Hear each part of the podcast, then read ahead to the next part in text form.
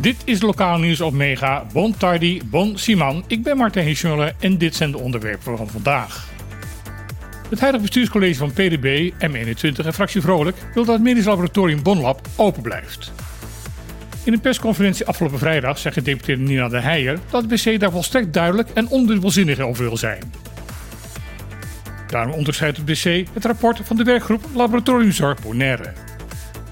Deze werkgroep, die in de tijd is ingesteld door het ministerie van de WVC, komt in haar eindrapport tot de conclusie dat op het eiland ruimte is voor twee laboratoria. Iets wat tot nu toe door de Rijksdienst ZJCN werd bestreden. De Nijen vertelt dat er een brief naar Den Haag is gestuurd om duidelijk te maken dat het openbaar bestuur van Bonaire de aanbeveling van de werkgroep volledig onderschrijft en ondersteunt. Gedeputeerde Clark Abraham had ook nog een tip voor de inwoners van Bonaire. Geef bij je huisarts aan dat je voor test graag wordt doorverwezen naar Bonlab in plaats van het laboratorium van het ziekenhuis Mariedal. Een paar weken geleden sloeg dierenopvang FKK Animal Rescue al alarm. Nu luiden alle dierwelzijnorganisaties op Bonaire de noodklok. Het dumpen van ongewenste dieren door de eigenaren heeft de laatste tijd zo'n vlucht genomen dat de opvangplekken Animal Shelter Bonaire en FKK tot de nok toe vol zitten. Dierenorganisaties hebben daarom op dit moment geen andere keus dan de gedumpte dieren te laten rondzwerven op het eiland en door middel van aanbieden van dierenvoer aan de omwonenden proberen de dieren in leven te houden. Team Pet Alert Bonaire benadrukt de terughoudendheid van de overheid bij deze problematiek. De organisaties die zich het lot van de dieren aantrekken, kunnen volgens Pet Alert wel zoveel mogelijk noodhulp verlenen, maar niet voor definitieve oplossingen zorgen. Dat kan alleen het OLB en het bestuurscollege. Maar volgens de dierenorganisaties blijven ze vanaf die kant erg stil. Het betalen van uitzendrechten voor het gebruik van muziekproducties bij openbare uitzendingen is iets waar de meeste radio- en tv-stations op de Caribische eilanden zich niet mee bezighouden. Tot nu toe kregen makers van muziek dan ook geen cent van de zes Nederlandse Caribische eilanden wanneer hun werk gebruikt werd. Dat gaat waarschijnlijk over iets meer dan een maand wel gebeuren op Aruba.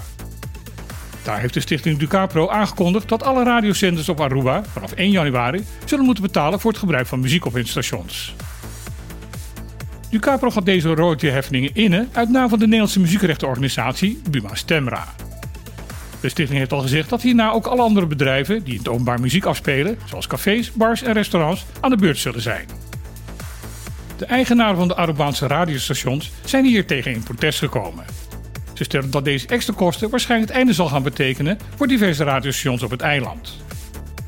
Ze hebben nu aan de minister-president van Aruba, Evelien Wever-Kroes, gevraagd om ervoor te zorgen dat deze heffingen niet door zullen gaan. Dreigen ten onder te gaan aan het eigen succes. Zo kun je het verhaal van het fastfoodrestaurant FC Kip wel betitelen. De snackbar die eigendom is van de komiek Jardino Asperaat is een paar weken na de opening alweer gedwongen om een aantal dagen dicht te gaan. Het restaurant en de eigenaar zijn namelijk volledig overrompeld door het succes.